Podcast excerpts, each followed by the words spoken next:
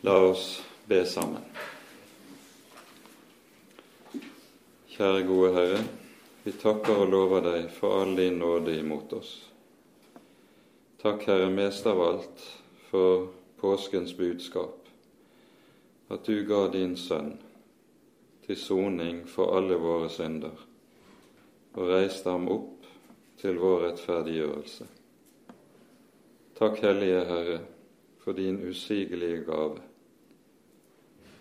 så ber vi deg også, Herre, at du vil se i nåde til oss, at vi må få øye til å se og ta vare på den gave du har gitt. Nå ber vi, Herre, send ditt ord og vær hos oss denne kvelden. Gi oss lys i ordet, at vi må få kjenne deg rett. Det ber vi, Herre, for Jesu navns skyld. Amen.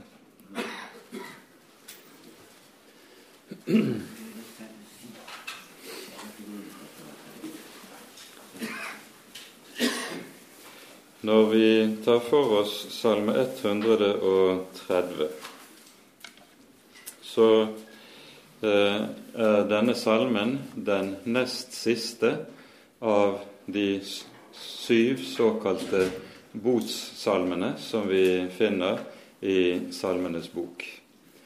Den første av de er Salme 6, den neste Salme 32, så Salme 38, så Salme 51, så Salme 102, så Salme 130 og til slutt Salme 143. Og En enkel gjennomgang av disse syv botsalmene eh, har vi fra Luther i den lille boken som også er utgitt på Delk-forlaget, der han tar for seg de syv botsalmene. Luther ble ved en anledning spurt det, i, det, står vel egentlig i noen av bordtalene hvilke salmer han uh, likte best. Nå var det sånn at Dette spørsmålet likte han dårlig, så han vegret seg nå litt for å svare på spørsmålet. Men eh, til slutt så fikk de dratt ut av han. De salmene han likte best, det var Psalmi Pauliniki, de paulinske salmer. Og eh, det er noe med at hvis du ser en salme som Salme 32 eller 51, eller også 130 og 143, så hele den tankeverden som du finner i disse salmene, det er nøyaktig det samme som du finner i Paulus brever, der han taler om rettferdiggjørelsen, om syndens alvor og om syndenes forlatelse.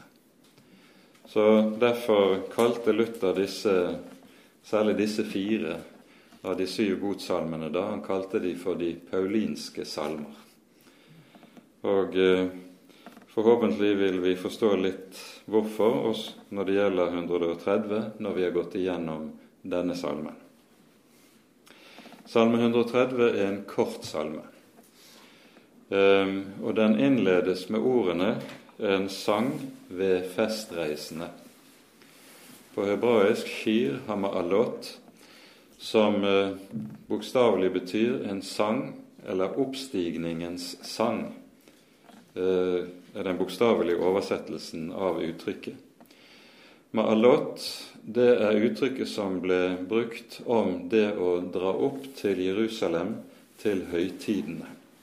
Tre ganger om året var Israels folk eh, pålagt, slik vi leser det i Mosebøkene, å tre frem for Herrens ansikt i helligdommen i Jerusalem. Det var påske, det var pinse, og det var i forbindelse med løvhyttefesten. Og eh, det å dra opp til Jerusalem. Det kaltes da altså Ma'alot. Og disse 15 salmene som vi da finner fra, fra og med salme 120 til og med salme 134, det var salmer som var beregnet på, skrevet med tanke på, at folket skulle synge disse under pilegrimsvandringen til Jerusalem. Så dette er like som settingen for disse salmene. De som eh, forskere som har greie på det, mener at disse salmene i all hovedsak eh, er skrevet etter gjenkomsten fra fangenskapet i Babylon. Det er først da det blir ordentlig rede på Israels eh, gudsdyrkelse. Vi vet jo fra kongetiden før fangenskapet i Babylon at da var Israel i så sterk grad eh, preget av ulike typer av avgudsdyrkelse slik at det som var pålagt folket i Moseloven når det gjaldt dyrkelsen av Herren og de høytidene som hørte sammen med dette i Jerusalem, det var i noe som i liten grad fant sted i de jødiske folk. Det er først etter gjenkomsten fra Babylon at dette virkelig, så å si, blir en grunnleggende del av folkets liv og folkets åndelige liv. Og Det betyr at disse salmene da antagelig er blitt til under Esra og Nehemia i forbindelse med deres gjenreisningsarbeid av først tempelet, dernest av Jerusalem, og gradvis også av folket og landet for hele landet var jo en eneste ruin etter katastrofen med det babylonske hærtoget og fangenskapet som fulgte på det. Salme 130 er altså én av disse 15 pilegrimssalmene. Og vi kjenner ikke forfatter til eh, disse salmene. De har meget forskjellig preg. Noen av disse salmene er lovsanger, noen er bønnesalmer, og andre bærer preg av å være diktet i den aller dypeste nød. At salmene skriver seg fra nettopp denne perioden, det ser vi f.eks. av Salme 126. Da, der leser vi innledningsvis da Herren lot Sions fanger vende tilbake, var vi som drømmene. Da fyltes vår munn med latter, vår tunge med jubel. Da sa de blant hedningene, store ting har Herren gjort iblant disse. Og Dette kan ikke være skrevet på noen annen tid enn i forbindelse med gjenkomsten fra fangenskapet. Det som har med det å dra opp til høytiden i Jerusalem, det er satt rene ord på i Salme 122. Den innledes slik.: Jeg gleder meg over dem som sier til meg, vi vil gå opp til Herrens hus. Og så handler salmen om gleden over å få dra opp til helligdommen og finnes for Herrens ansikt i nettopp denne tiden for når Herren ønsker å samle sitt folk for sitt ansikt. Når folket samlet seg i Jerusalem i forbindelse med høytidene, så var det jo slik at dette finner vi eh, ganske detaljrikt, eh, detaljrikt eh, gitt lover for i Tredje Mosebok, at man gjerne dro opp til tempelet kanskje så mye som en ukes tid før høytiden begynte. Det hang sammen med at som regel var det ulike former for urenhet, rituell urenhet, som Mosebøkene jo veldig detaljert eh, lister opp, som hang ved folket, sånn at man skulle ha noen dager til å rense seg forut for høytiden, slik at man kunne renset strev frem for Herrens ansikt. Og til dette å rense seg så hørte det også at en kunne bringe Herren syndoffer for synd som lå på samvittigheten, og som en ønsket å ville ha gjort opp med Herren når en først hadde mulighet til å tre frem for ham i helligdommen. Og Antagelig er det da slik at Salme 130 er skrevet slik i forbindelse med nettopp dette. En kommer opp til Herrens helligdom for å få gjort opp med sin synd.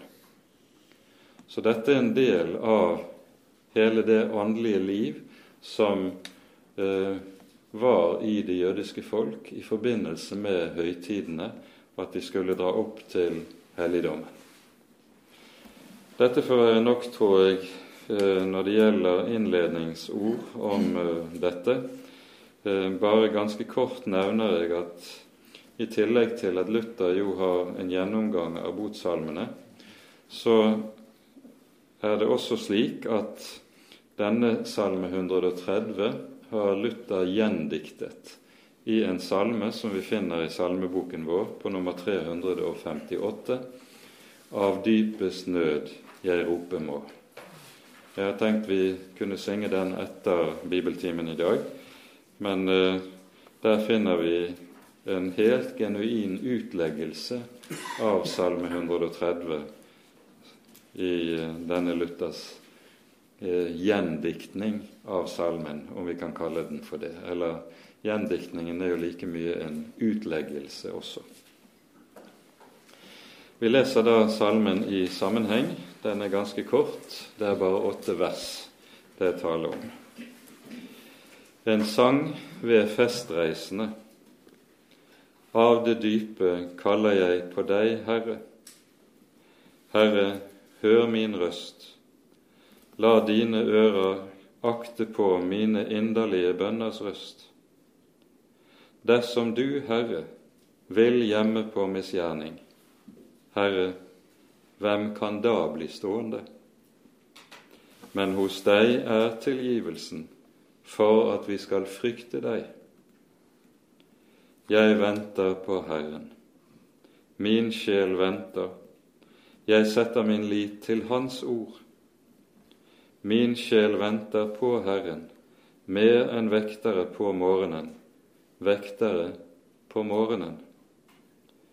Vent på Herren Israel, for hos Herren er miskunnheten, og full forløsning er hos ham. Han skal forløse Israel fra alle dets misgjerninger. Amen.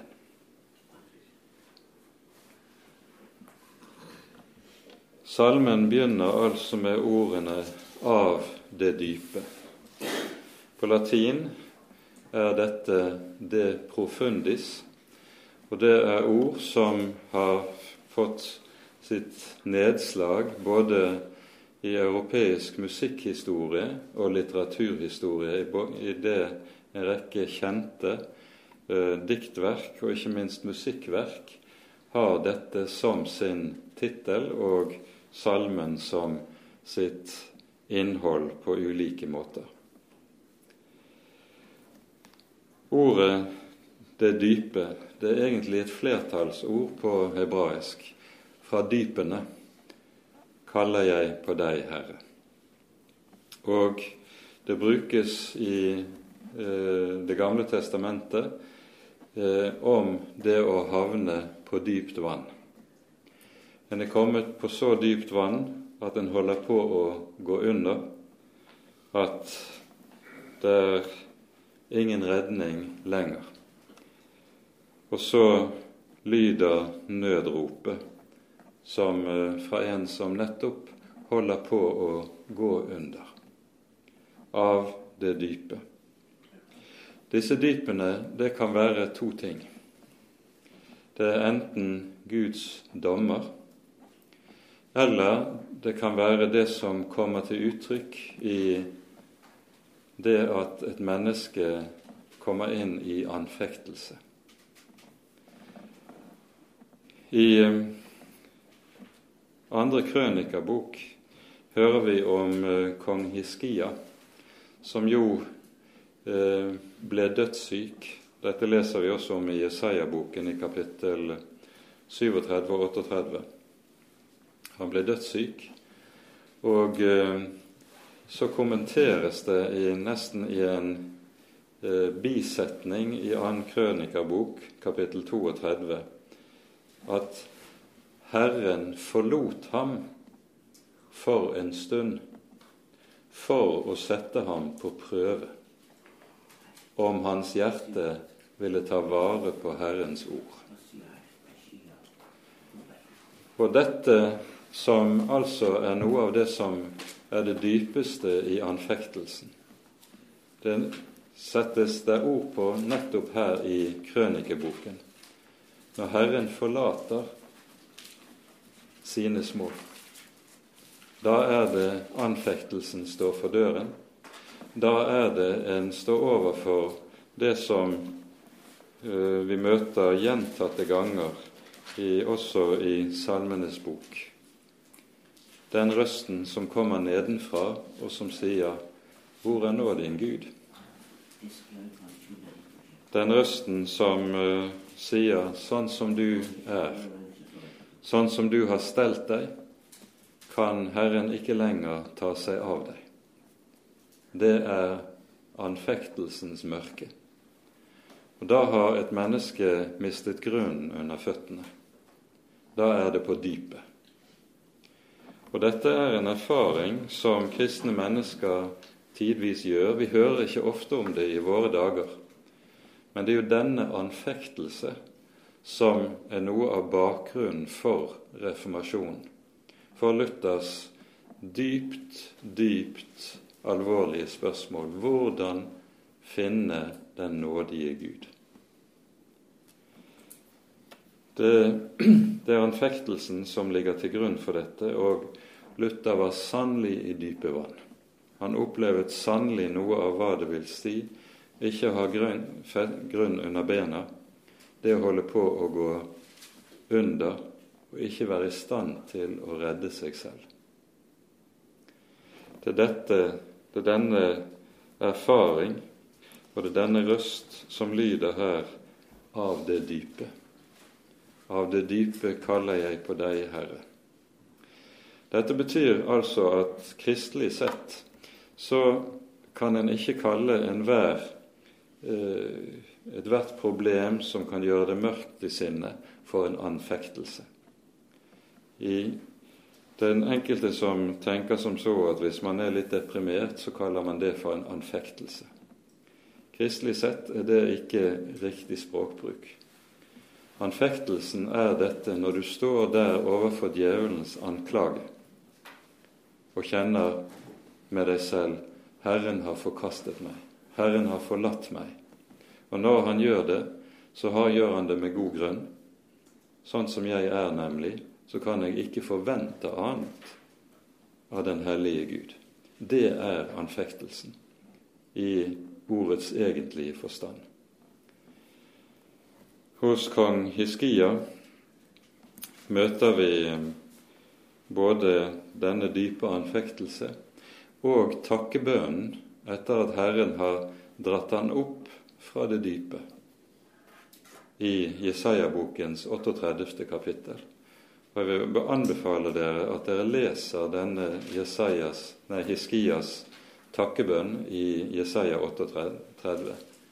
Det er en usigelig gripende bønn som en kristen meget godt kan komme tilbake til ofte.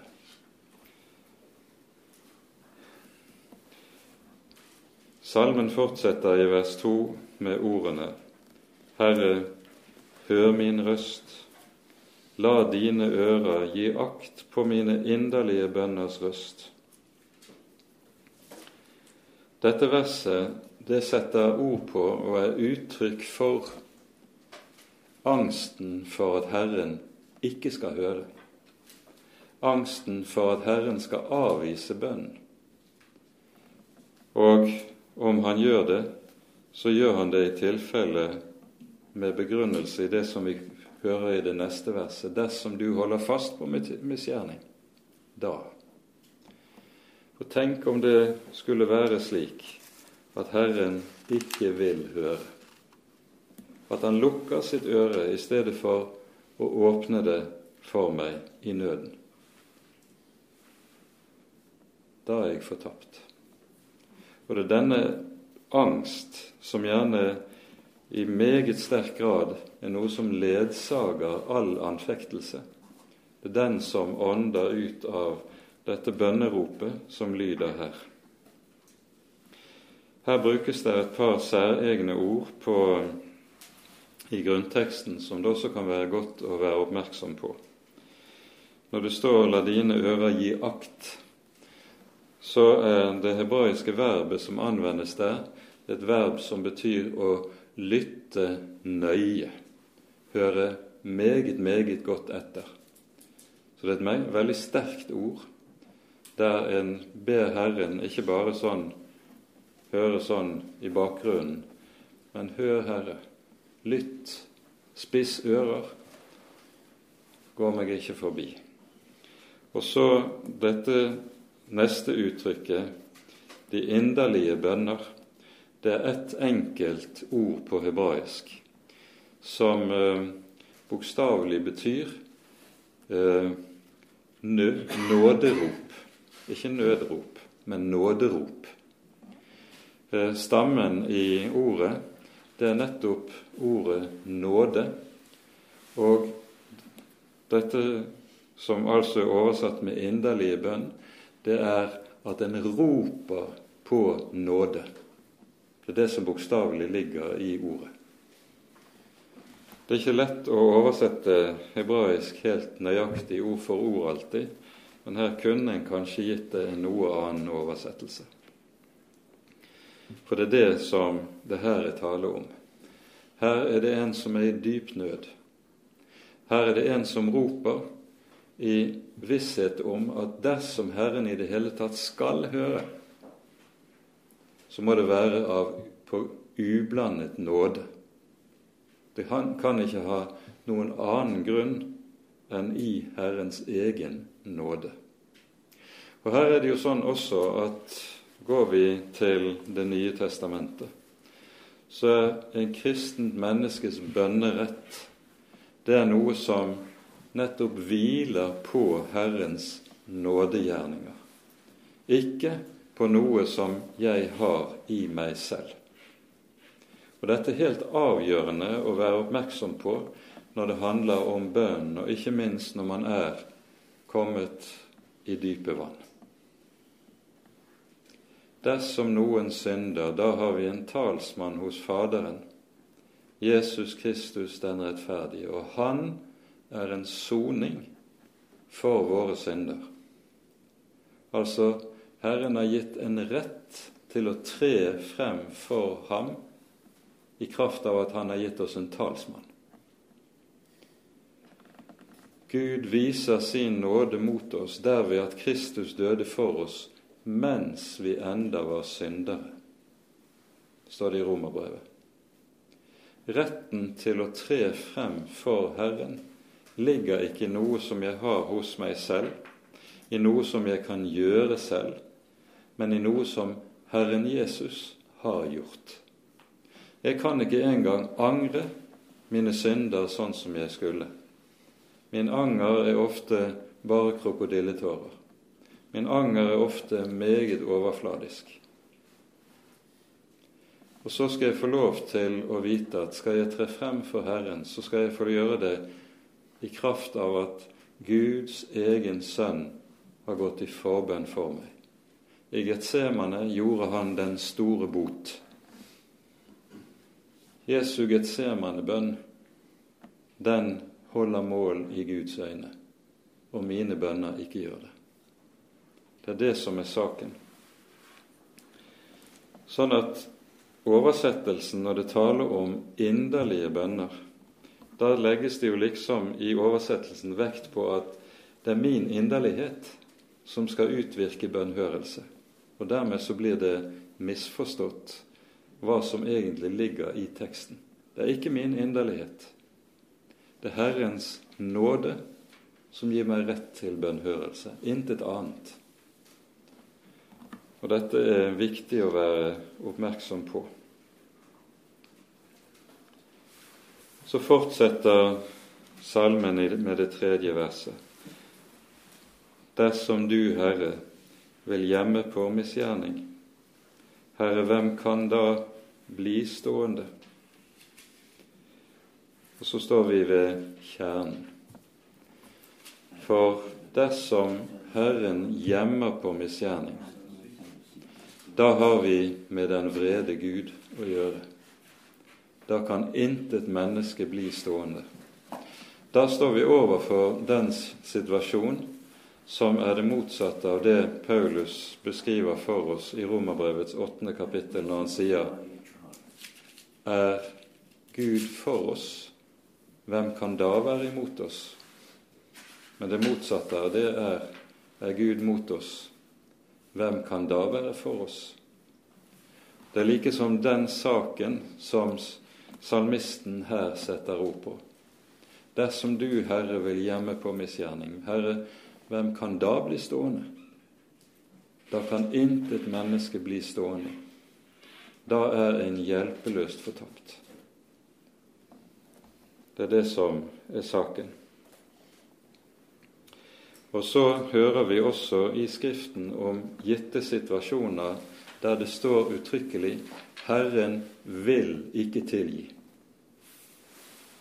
F.eks. lyder det i klagesangene i det tredje kapittel i forbindelse med Jerusalems ødeleggelse at ondskapen og synden hadde tatt så overhånd i folket i Jerusalem at Herren sier han vil ikke tilgi. Og Det samme nevnes også uttrykkelig i andre kongebok kapittel 24, når vi hører om hvor dyp Israel har falt. Da sies det like forut for at Israel må i fangenskap i Babylon. Og det taler om Manasses synd, hvorledes han fører Israel inn i den dypeste elendighet av synd og avgudsdyrkelse. Så står det 'Herren ville ikke tilgi'. Da er det et forferdelig alvor. Og Så blir det også klart med dette at Herrens tilgivelse er ingen selvfølge. Herrens tilgivelse er ikke noe en kan ta for gitt. For Skriften lærer oss også at Gud kan si 'Jeg vil ikke tilgi'. Da er det alvor. Da er det dypt alvor. Så det er dette og det er denne angst som dirrer her i disse versene som vi er åpningsversene i Salme 130. En liten parentes til det ord som er oversatt med misgjerning. Det er jo sånn at i Det gamle testamentets hebraisk så har du tre hovedord som brukes om synden. Du har det som er selve det vanligste ordet, det vanligste det ordet som dukker hyppigst opp. Det er ord som eh, Det heter khatat, og det betyr bokstavelig å bomme på målet. Det er akkurat det samme som det greske hovedordet som vi finner i Det nye testamentet for synd. Det har grunnbetydningen av å bomme på målet. Og tankegangen er den Herren har satt et mål for menneskets liv. Og så bommer mennesket på målet, slik at livet dypest sett blir forfeilet. Dette ordet beskriver altså livet som dypt forfeilet. Det andre ordet som anvendes for synd, det oversettes gjerne i våre bibler med ordet overtredelse. Og Det er et ord som bokstavelig innebærer det at man vet hva som er urett, man vet hva som er galt, og så gjør man det likevel. Det er det annet hovedord for synd. Og det tredje hovedordet, det er det som anvendes i vår salme, både her i vers 3 og i det siste verset i salmen. Det er kun dette tredje ordet som anvendes. Det er det hebraiske ordet avon. Og det betyr, har grunnbetydningen å fordreie det som er rett. Eh, man perverterer det rette. Det er noe som er godt og rett fordi det er gitt og skapt av Gud, og så perverterer mennesket det. Synd er fra den siden sett pervertering av skaperverket, av det gode som Gud har gitt, en fordreier det til å bli noe som er ondt, heslig, og som fører mennesket inn i mørket. Det er altså dette ordet som anvendes her i salmen. Og så innledes dette tredje verset da også med et 'dersom'. Dersom du, Herre, vil hjemme på misgjerning, da, hvem kan da bli stående? Dette dersom det antyder samtidig det som også er håpet. At Herren ikke vil gjemme på misgjerning. For dette er jo sagt uttrykkelig både i Det gamle og Det nye testamentet, at Herren er en som ikke søker den ugudeliges død. Hos profeten Esekiel har vi dette kjente verset i det 18. kapittel. Vi leser kapittel 18, vers 23.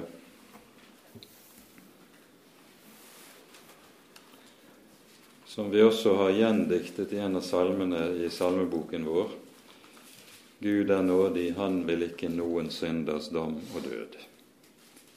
Det, det er en salme som er diktet over dette ordet hos profeten Esekiel.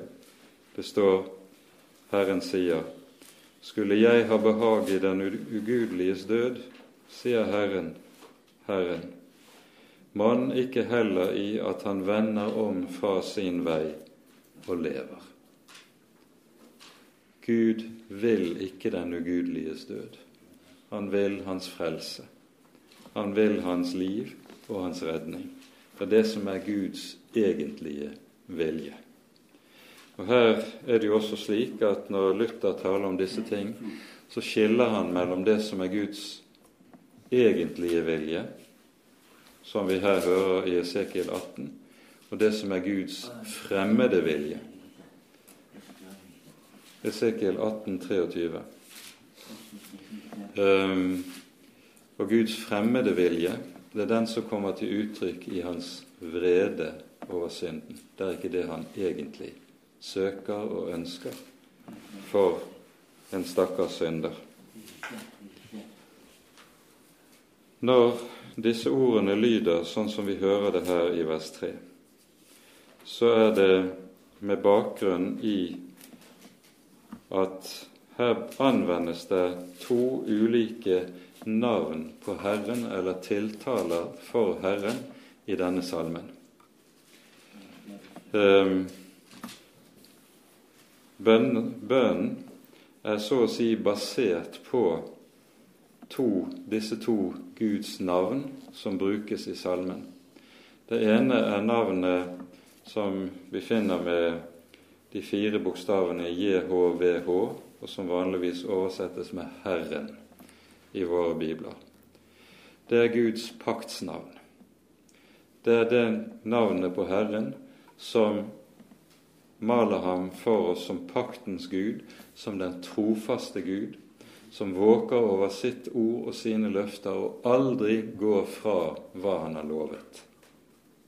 Så når Herren påkalles nettopp under dette navn, så påkalles han nettopp som den trofaste. Du er jo den som har sagt, du har lovet i ditt eget ord og ved din egen pakt. Gjør nå slik du har lovet. Dette er viktig å være klar over, at det er betydningen av dette Guds navn når det anvendes. Det andre navnet på Herren som anvendes i denne salmen, det er navnet Adonai. Det er ikke veldig hyppig at det anvendes i Salmenes bok, men det betegner Gud som den absolutte herre og hersker. Kongenes konge, herrenes herre, den som har all makt og mot hvem ingen og intet kan stå seg. Ingen kan gjøre ham rangen stridig. Han er den allmektige som har hele skaperverket i sin hule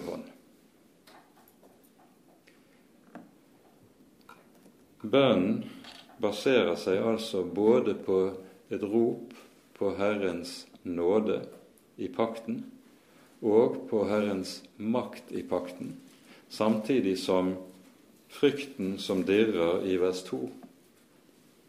det er en frykt som dirrer i møte med den, den allmakt overfor hvem ingen kan bli stående, dersom han taler til oss i sin vrede i stedet for i sin nåde. Så kommer det fjerde verset, som er selve sentralverset i salmen. Men, står det i vår oversettelse, men hos deg er tilgivelsen for at vi skal frykte deg. I grunnteksten så står det ikke et 'men', men det står et 'for'. Det står 'for hos deg er tilgivelsen' for at du skal frykte. Så sånn sto det vel også i den gamle oversettelsen av 1930, hvis jeg ikke husker feil. For hos deg er tilgivelsen. Her skal vi merke oss et par viktige saker. For det første måten dette uttrykkes på. Så er det slik at rent grammatisk så betyr dette tilgivelsen er å finne hos deg alene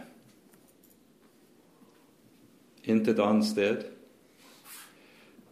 Og så ligger det dermed i det hva hjelper det om et menneske tilgir seg selv hvis ikke Herren tilgir? Hva hjelper det om alle mennesker tilgir meg og ser gjennom fingrene med hvordan jeg har innrettet meg, om ikke Herren gjør det? For tilgivelsen er noe som hører Herren til. Det er så å si hans eneeiendom. Og Dette kommer i hebraisk til uttrykk på den måten at det verbet som ligger bak ordet for tilgivelse her, det er et verb som i Det gamle testamentet utelukkende brukes med Gud som subjekt. Det brukes aldri med mennesker som subjekt. Herren er den som kan tilgi. Han har tilgivelsen i sin hånd, i sin makt. Og så er det da også viktig å være oppmerksom på at slik det taler om tilgivelsen i Bibelen, så er tilgivelsen først og sist frukt av at det skjer soning for synd. Ser du, og Dette kan du se veldig tydelig i lovgivningen om syndofrene i 3. Mosebok kapittel 4 og kapittel 5 og ikke minst i loven, lovgivningen om den store forsoningsdagen i 3. Mosebok kapittel 16. Der står det, er det en setning som går igjen gjentatte ganger. Det står om presten etter at forskriftene for offeret er eh, gjennomgått, så står det til slutt som konklusjon Således skal presten gjøre soning for dem, og så kommer det en følgesetning så de får forlatelse. Poenget er med følgesetningen tilgivelsen, forlatelsen, er en frukt av soningen. Og Så brukes nøyaktig det samme ordet for tilgivelse eller forlatelse her som det anvendes altså i disse kapitlene i Tredje Mosebok. Hos deg er tilgivelsen for at du må fryktes. Der anvendes også et annet uttrykk i Det gamle testamentet for å tilgi synd, eller som oversettes med 'å tilgi synd'. Og Det er et uttrykk som bokstavelig betyr å bære synd. Når Herren bærer synd, da tilgir Han den. Det er så å si som slik at synden beskrives i Det gamle testamentet som en byrde som mennesket bærer med seg. Når synden er gjort, så er den ikke noe som ligger bak deg i fortiden en eller annen gang. Du bærer den som en byrde på skuldrene dine. Og så, når dette andre uttrykket for å tilgi synd anvendes, så sikter det da til at denne byrde er noe som Herren tar av synderens skuldre og selv tar på seg og bærer. Herren bærer synd. Dette, uttrykket, dette oversettes altså i våre bibler gjerne med at han forlater. Men der bak ligger altså uttrykket 'han bærer synd'. Og det er dette uttrykket som ligger til grunn for det som sies om den Herre Jesus i Johannes 1,29, når døperen peker på Jesus og sier 'Se der Guds lam som bærer verdens synd'. Men her anvendes altså det andre ordet 'hos deg er tilgivelsen'. For at vi skal frykte deg. For at du må fryktes, sto det i den gamle oversettelsen. Her er det da viktig å understreke dette at nåden er ikke noe som opphever ærefrykten for Gud. Nåden bærer ikke i seg at Guds hellighet settes der en strek over. Han er den samme hellige. Han er den samme ærefryktinngivende Gud, også når synd blir tilgitt. For poenget med dette her er det at når han tilgir synd, så herliggjør han sitt navn nettopp på det vis. Og så er det syndenes tilgivelse som er det som kan skape den rette og egentlige gudsfrykt. Ingenting annet. Loven kan skape angst for Gud som dommeren, men loven kan ikke skape Guds frykt, slik som Bibelen taler om det.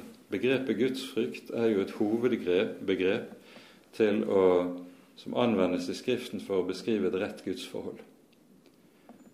Og dette kan altså bare skapes gjennom syndenes forlatelse. Det er en dyp hemmelighet i dette som Skriften lærer oss med det. Så derfor sies det også da i dette verset Hos deg er tilgivelsen for at vi skal frykte deg. Det står ikke 'for at vi skal elske deg'. Det kunne for så vidt ha stått, men det står 'for at vi skal frykte deg'. Og Det er syndenes forlatelse som skaper dette som er det grunnleggende kjennetegnet på et rett forhold til Herren.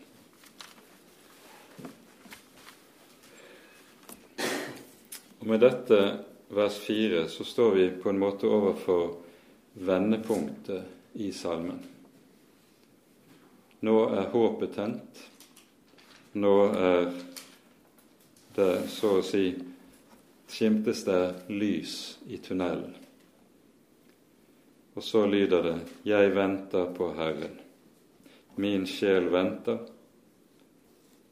og jeg setter min lit til Hans ord, står det her i oversettelsen at grunntekstens ord betyr 'jeg håper på Hans ord'.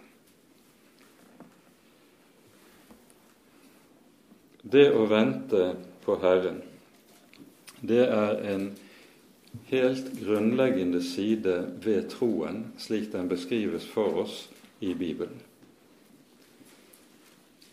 Hvis vi ser på fedrene i Første Mosebok, hele deres liv kom til på sett og vis å bestå i å vente. Herren hadde gitt dem sine ord og sine løfter. Abraham, hos Abraham er dette kanskje aller tydeligst, og han måtte vente. En av våre kjente forkynnere sier at dette ordet som oversettes med å bie på Herren, det betyr å vente lenge og tilsynelatende forgjeves. Slik var det jo for Abraham. Han var lovet sønnen, løftesønnen, men det så ut som det å vente på Herren og at han skulle komme og oppfylle sitt løfte, det var forgjeves. For løftet blir jo oppfylt etter at Abraham var kommet i den situasjonen at det menneskelig talt var umulig at det kunne gå i oppfyllelse. Så dette ligger i det, og sånn er det det også kjennes for en som er i den dypeste nød. Han må vente. Og så, ly, så lyder ropet 'Hvor lenge, Herre?' Det er et rop vi møter i Salme 13 f.eks. Hvor lenge? Hvor lenge? Ventetiden kan være ytterst, ytterst pinefull. Men så er saken samtidig dette at her møter vi noe av det som er, så å si, troens normal tilstand. Vi kan her minne om et par viktige saker. Salme 25. Salme 40 så møter vi dette som har med å bie på Herren som en viktig side ved salmens budskap. Salme 27 munner ut i dette. Bi på Herren, vær ved godt mot, og ditt hjerte være sterkt. Ja, bi på Herren. Men vi skal kanskje her spesielt minne om ordene hos profeten Habakuk i eh, eh, det annet kapittel hos han.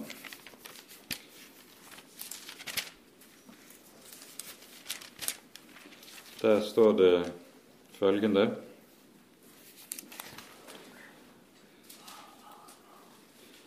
De tre første versene.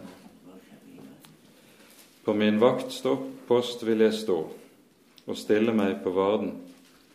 Jeg vil skue ut for å se hva Han vil tale til meg, og hva jeg skal få til, klage på mitt, få til svar på mitt klagemål. Herren svarte meg og sa, Skriv synet opp, og skriv det tydelig på tavlene, så det er lett å lese. For ennå må synet vente på sin tid, men det haster mot enden, og det lyver ikke. Om det dryger, så vent på det, for komme skal det. Det skal ikke utebli. Og så kommer det i neste vers. Den rettferdige ved tro skal leve. Troen og det å vente kobles sammen, slik vi hører det i disse ordene her.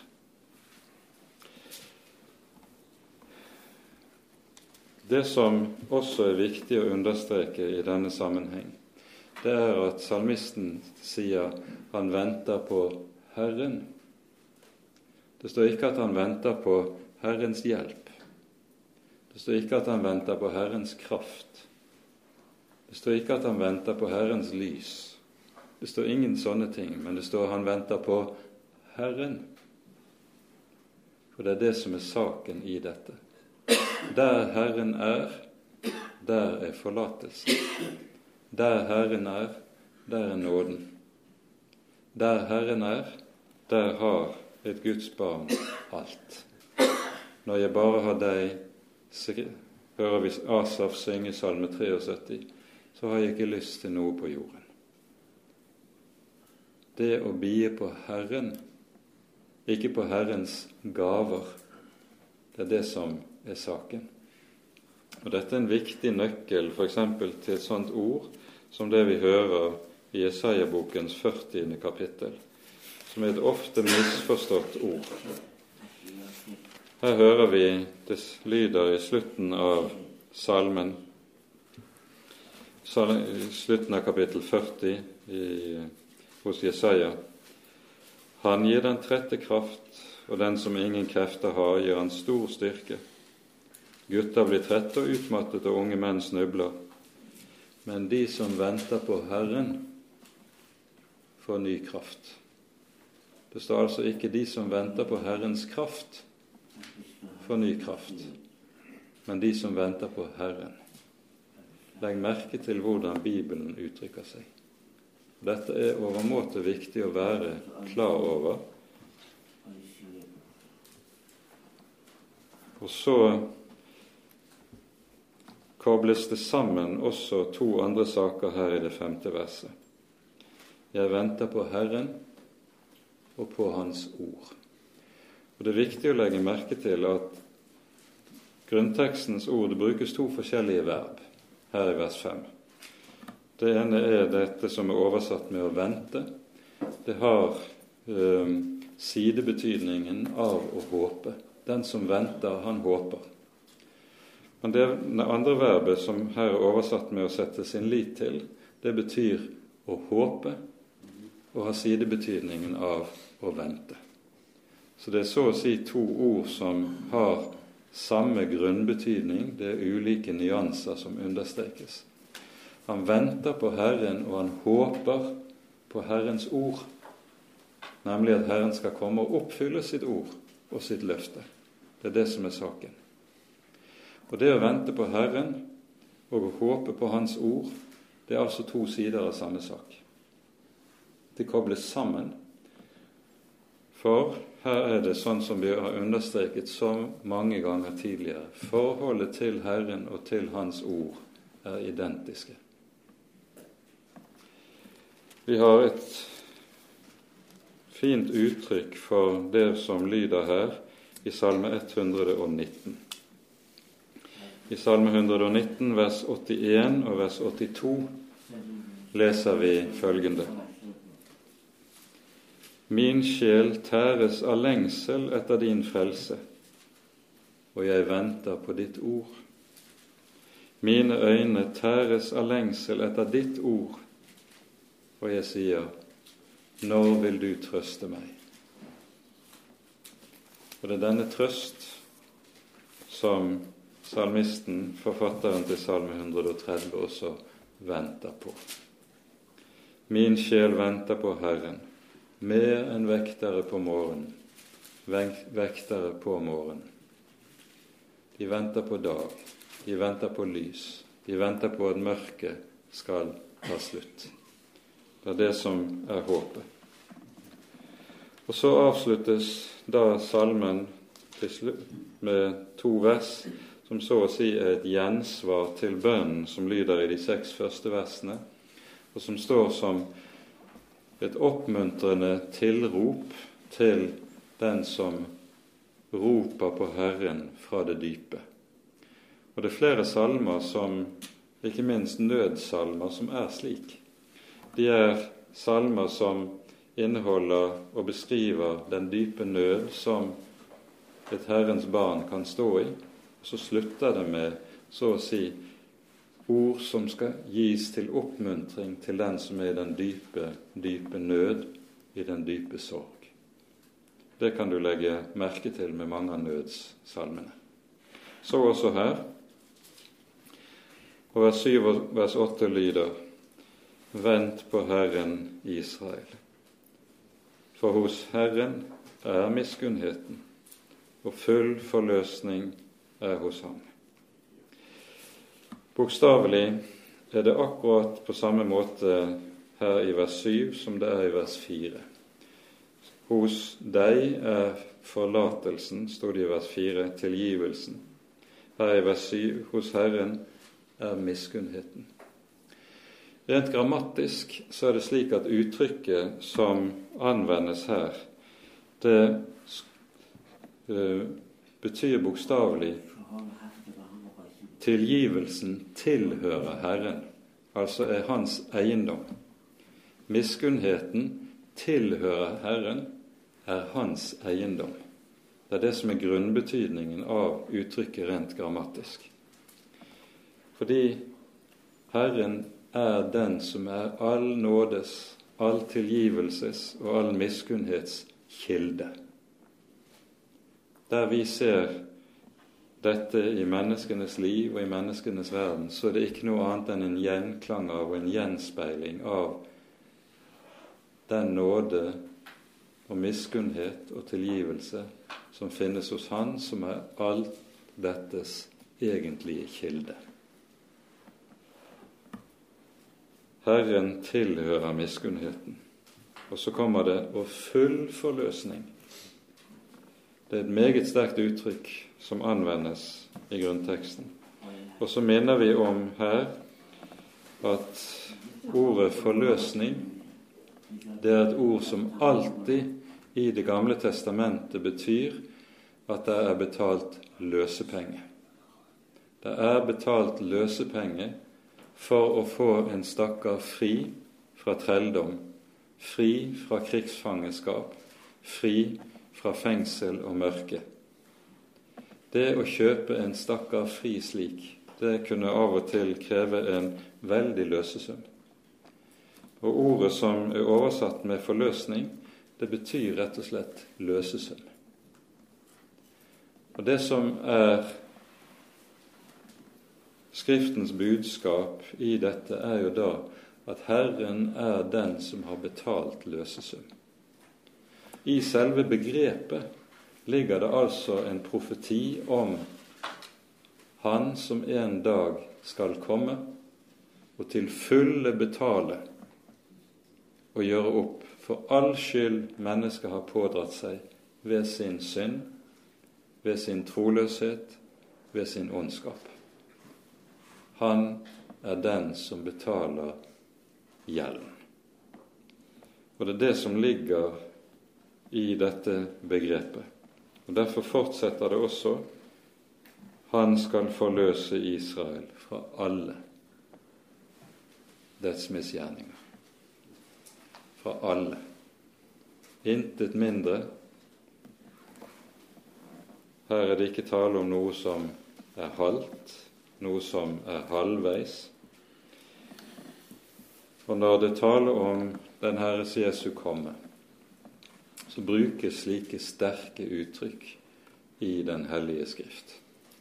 Tenk bare på ordene i eh, Zakaria 9,9 når det taler om han som kommer, kongen som kommer ridende på et fattig på et asen det står 'fattig er han og full av frelse'.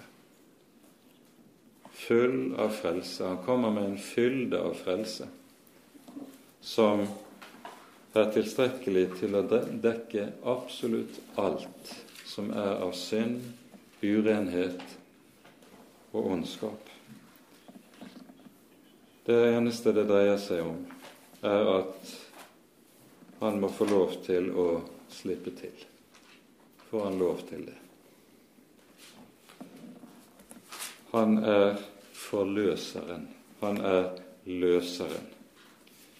Og det er dette som er det egentlige håpet for ethvert troende menneske. I Jobbs bok møter du dette i det 19. kapittel, når Jobb midt i mørket og midt i nøden kan si 'Jeg vet at min gjenløser lever'. Som den siste skal han stå frem på støvet. Og etter at denne min hud er ødelagt, skal jeg ut fra mitt kjød skue Gud. Det er løftet. Vi møter også de samme sannheter i en salme som ikke leses veldig ofte, men som er uhyre betydningsfull, nemlig Salme 49. Det er en salme som både setter ord på det som er menneskets dype nød, og sannheten om menneskets situasjon etter fallet. Vi er underlagt døden. Vi leser i Salme 49 fra vers 8. En mann kan ikke utløse sin bror. Han kan ikke gi Gud løsepenger for ham, for deres sjels utløsning er for dyr. Han må avstå fra det til evig tid. Så han skulle forbli til evig tid og ikke se graven.